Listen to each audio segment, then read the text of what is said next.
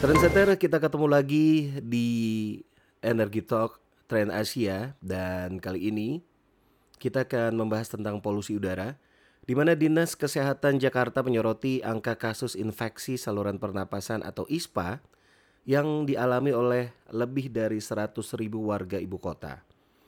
Kondisi ini juga dikaitkan dengan polusi udara yang kian memburuk di sejumlah kota-kota besar yang ada di Indonesia. Benarkah polusi udara dan tingginya kasus ISPA saling terkait? Saat ini kita sudah bersama Dr. Ngabila Salama selaku staf teknis komunikasi transformasi kesehatan Kementerian Kesehatan Republik Indonesia. Assalamualaikum Dr. Bila. Waalaikumsalam. Iya, Dokter Bila, sebelum kita ke pertanyaan yang banyak itu soal ISPA ya. Tapi bisa gak sih dijelasin ISPA itu apa sih, Dok? Ya, terima kasih. Jadi infeksi saluran pernafasan akut itu uh, dia itu adalah suatu bentuk infeksi penyakit menular yang biasanya itu uh, melalui udara ya, uh, baik itu droplet maupun airborne yang uh, perantaranya itu melalui udara maupun lalu melalui tangan kita yang kurang bersih.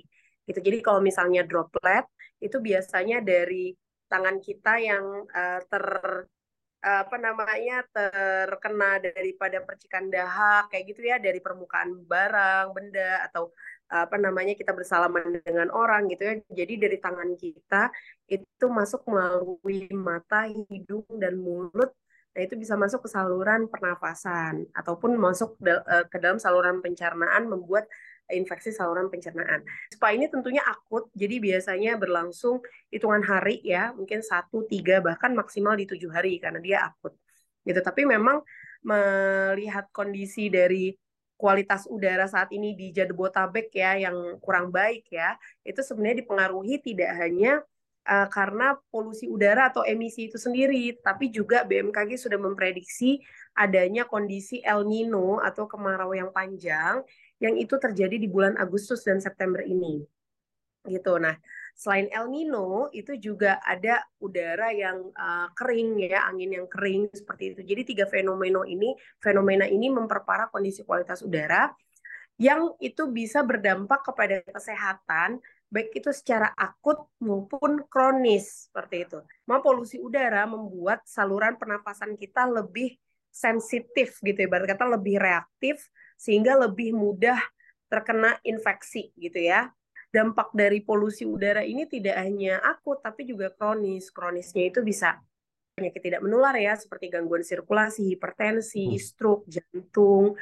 Terus udah gitu juga bisa PPOK, radang paru yang kronis, penyakit paru obstruktif kronis bisa menyebabkan sesak nafas, asma, lalu juga alergi, lalu bisa kambuh-kambuhan, gangguan uh, pertumbuhan janin terhambat di ya. dalam yeah. apa namanya di janin ataupun apa namanya uh, kelahiran prematur itu contoh-contoh yang kronis sedangkan yang akut tentunya tadi ya ada ispa sesak nafas reaksi asma yang kambuh secara akut maupun juga ke kulit itu juga bisa menyebabkan reaksi alergi atau eksim. Dok, kalau dari data ya, seperti yang sudah terjadi um, satu bulan atau dua bulan ini, memang lonjakannya seberapa banyak dok untuk penderita ISPA? Sebenarnya kalau kita lihat dibandingkan tahun sebelumnya, tahun ini masih lebih rendah 2023 ini seperti itu dan juga sesudah bulan Maret itu udah menurun. Tetapi kalau saya boleh ambil um, titik titik mudahnya ya, itu rata-rata kasus ISPA itu di Jakarta itu per bulan tuh ada 100 ribu orang.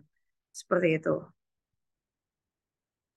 100 ribu orang dari berbagai uh, tingkatan umur atau memang paling banyak uh, seperti yang diberitakan kan adalah anak-anak um, ya dok ya? Ini usia balita atau memang uh, sampai umur berapa dok?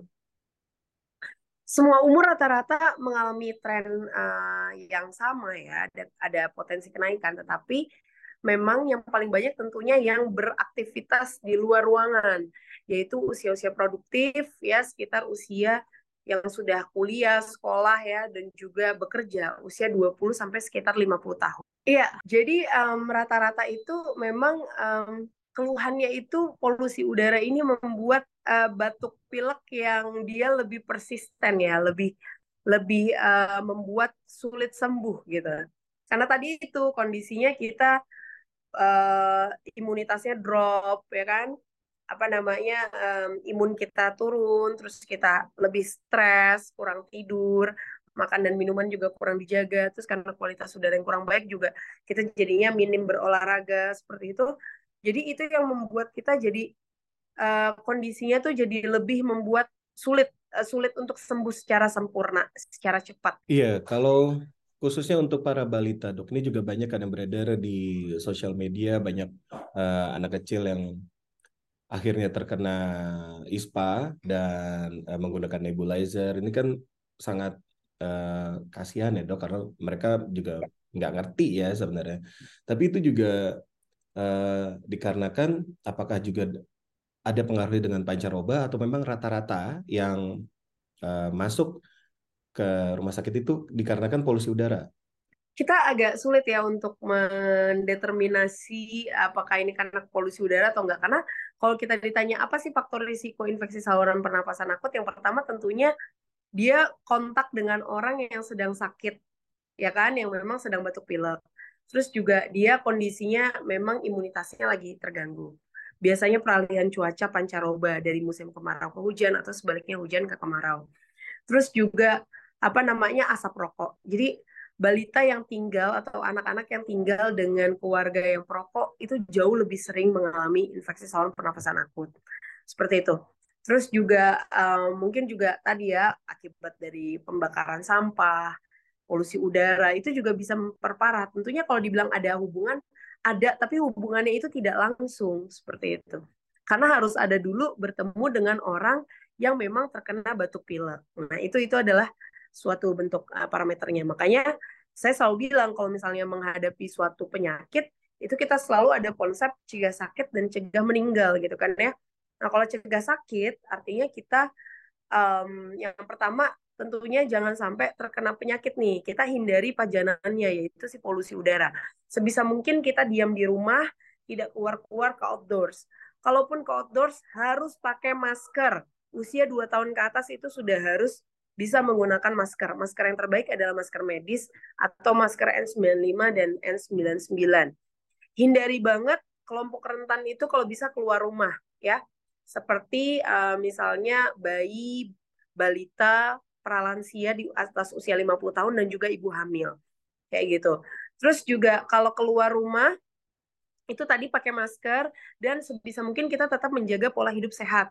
Artinya makan sayur, buah, antioksidan karena vitamin yang terbaik itu dari sumber makanan itu sendiri yaitu sayur dan buah itu akan lebih baik. Uh, Dokter Bila, tapi kalau dari tadi untuk uh, penyebab atau pencetus dari polusi udara itu kan ada banyak ya faktornya ya.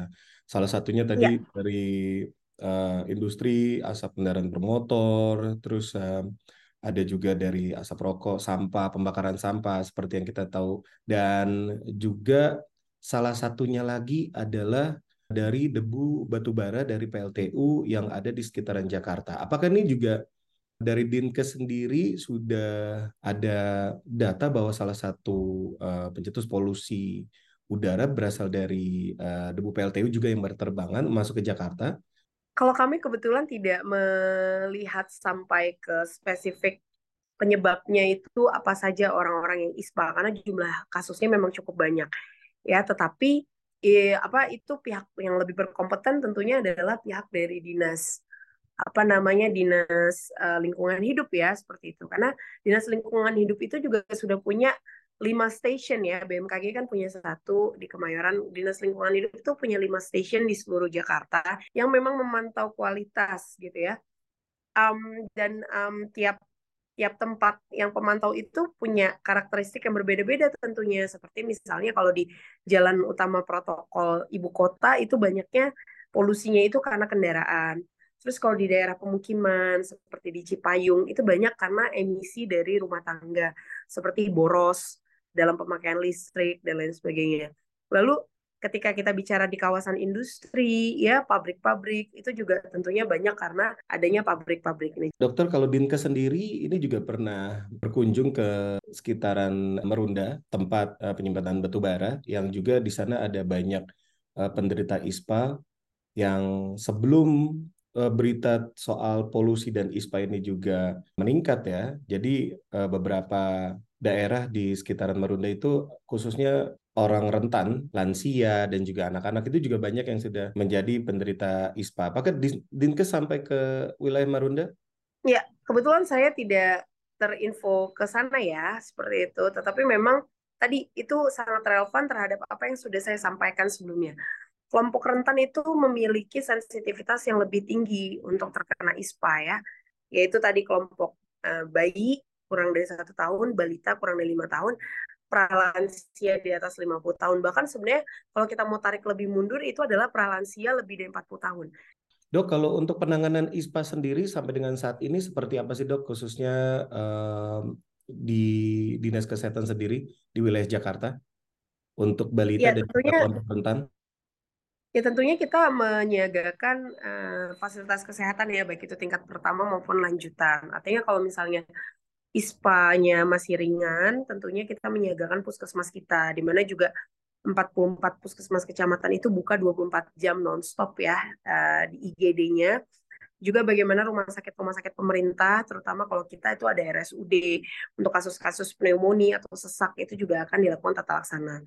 Dan tentunya kita juga mengimbau masyarakat juga tentunya mengaktifkan kartu BPJS-nya ya. Jadi kalau misalnya memang membutuhkan uh, apa namanya pengobatan baik itu di puskesmas maupun di rumah sakit itu nanti bisa menggunakan jaminan kesehatan nasional ya JKN ataupun BPJS seperti itu.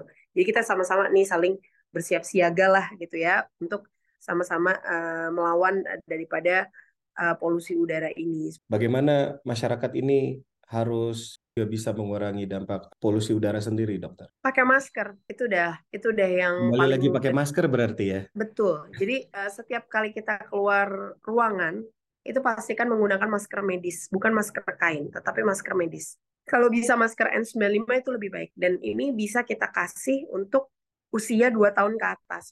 Ya dok, ini nggak semua bisa beli masker medis dan juga semoga tidak seperti waktu COVID-19 eh, di mana harga masker juga akhirnya melonjak ya. ketika iya betul. Ya, apakah nantinya juga ada seperti bantuan yang diupayakan untuk para masyarakat, dokter dari Dinkes, Pemprov ataupun nanti pemerintah khusus untuk masker ini untuk menjadi standar? Belum sih, belum ada uh, wacana ke arah sana. Iya, terima kasih dokter. Semoga bermanfaat. Terima kasih juga untuk trendsetter yang sudah mendengarkan Energi Talk Trend Asia di episode kali ini. Dan juga jangan lupa untuk follow Instagramnya Trend Asia di @trend underscore Asia dan TikTok Trend Asia di @trend underscore Asia. Aldi Putra pamit, kita akan ketemu lagi di Energi Talk selanjutnya.